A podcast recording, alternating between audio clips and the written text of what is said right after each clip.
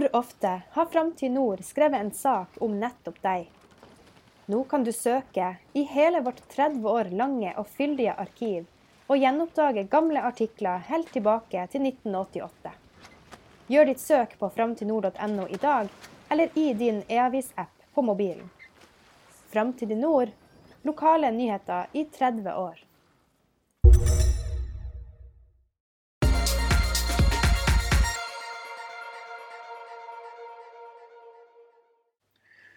Riktig god fredag.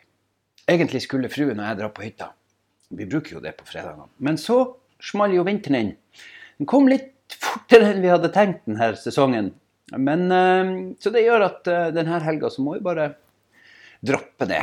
Værmeldinga er for usikker. Vi måtte rett og slett ombestemme oss.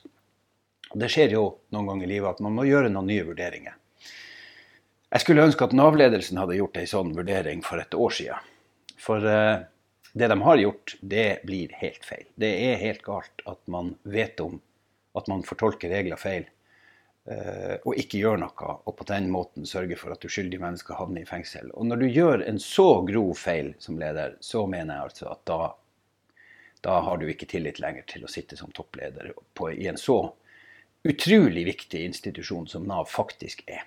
Og Nav er den institusjonen som, bortsett fra helsevesenet, er i størst befatning med mennesker som har behov for hjelp.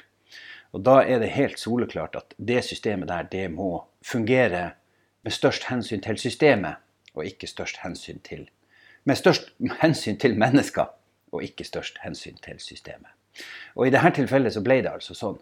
Da ble plutselig systemet det viktigste for en del folk. Virker det som. La meg understreke det. Virker det som. Uh, og når det skjer, og man ikke klarer å ivareta brukerne, som jo tross alt er de aller viktigste i Nav-systemet, da gjør man ikke den jobben og den, den, de oppgavene man er satt til. Og da mener jeg at, uh, da mener jeg at uh, Vågeng og, hennes, og en del av hennes underdirektører må gjøre ei solid vurdering av sin egen rolle, og i dette tilfellet altså gå av. Men det er min mening. Uh, så det er helt sikkert noen som mener at uh, noen kan sitte og andre må gå. Men i dette tilfellet så, så, er det så innlysende at man har tatt vare på reglene og ikke på mennesket. Og det er ikke derfor man har et Nav. Man har et Nav for at mennesker som trenger hjelp, skal få hjelp. Når det ikke funker, så må man se på om de som sitter og tar seg av reglene, er de rette. Og så tror jeg vi må være veldig, veldig veldig forsiktige, vi som bor rundt omkring i små og store samfunn i Norge. Og huske på at uh, våre Nav-folk, de gjør den jobben som de settes til av sine ledere. De er, noen av dem er ledere og mellomledere, men de har et system over seg. Et system som sannsynligvis er blitt så rigid at det er vanskelig for dem å gjøre noe annet enn å følge systemet. Ehm, det bekymrer meg med Nav-systemet, at man er blitt så rigid i regelverket at lederne på lokalt nivå ikke lenger kan lede med annet enn å bare si at vi må følge reglene. Det tror jeg er ei felle som dette systemet har rulla inn i. Ehm, men det er viktig at vi som har kontakt med lokale brukere lokale Nav-ledere, at vi prøve å tenke på at eh, det er ikke der feilen ligger. Den ligger ikke på lokalt nivå i dette tilfellet. Den ligger hos dem som tolker reglene, og dem som setter reglene i systemet. Det er en komplisert sak. Det er ingen enkel sak. Eh, men det som er helt klart, er at veldig mange mennesker har havna urettmessig i fengsel.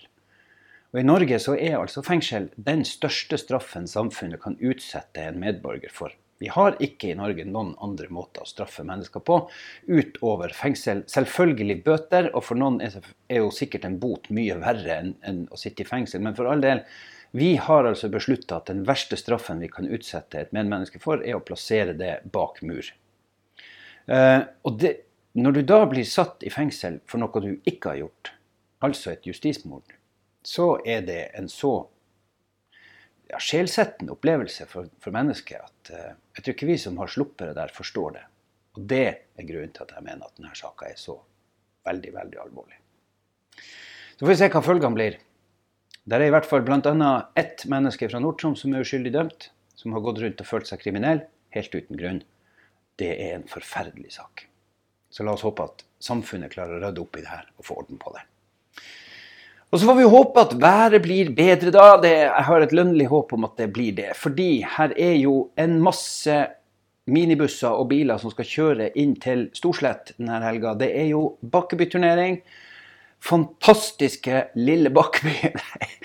jeg, jeg har vært der noen år, og det er jo helt utrolig at denne lille bygda, med noen i spissen selvfølgelig, drar i gang dette arrangementet år etter år etter år. Så en stor, stor takk og gratulasjon og alt til de frivillige og de menneskene som har år etter år stått bak Bakkeby-turneringa. For den betyr så mye. Det betyr ufattelig mye for så veldig veldig mange. Og vi som har vært der og sett når de her knøttsmå fotballspillerne springer i en klump etter en ball, er skjønt. Det er vakkert. Kjør pent, dere som skal bringe alle gullene våre til og fra fotballkamper. Vær så snill, ta det forsiktig.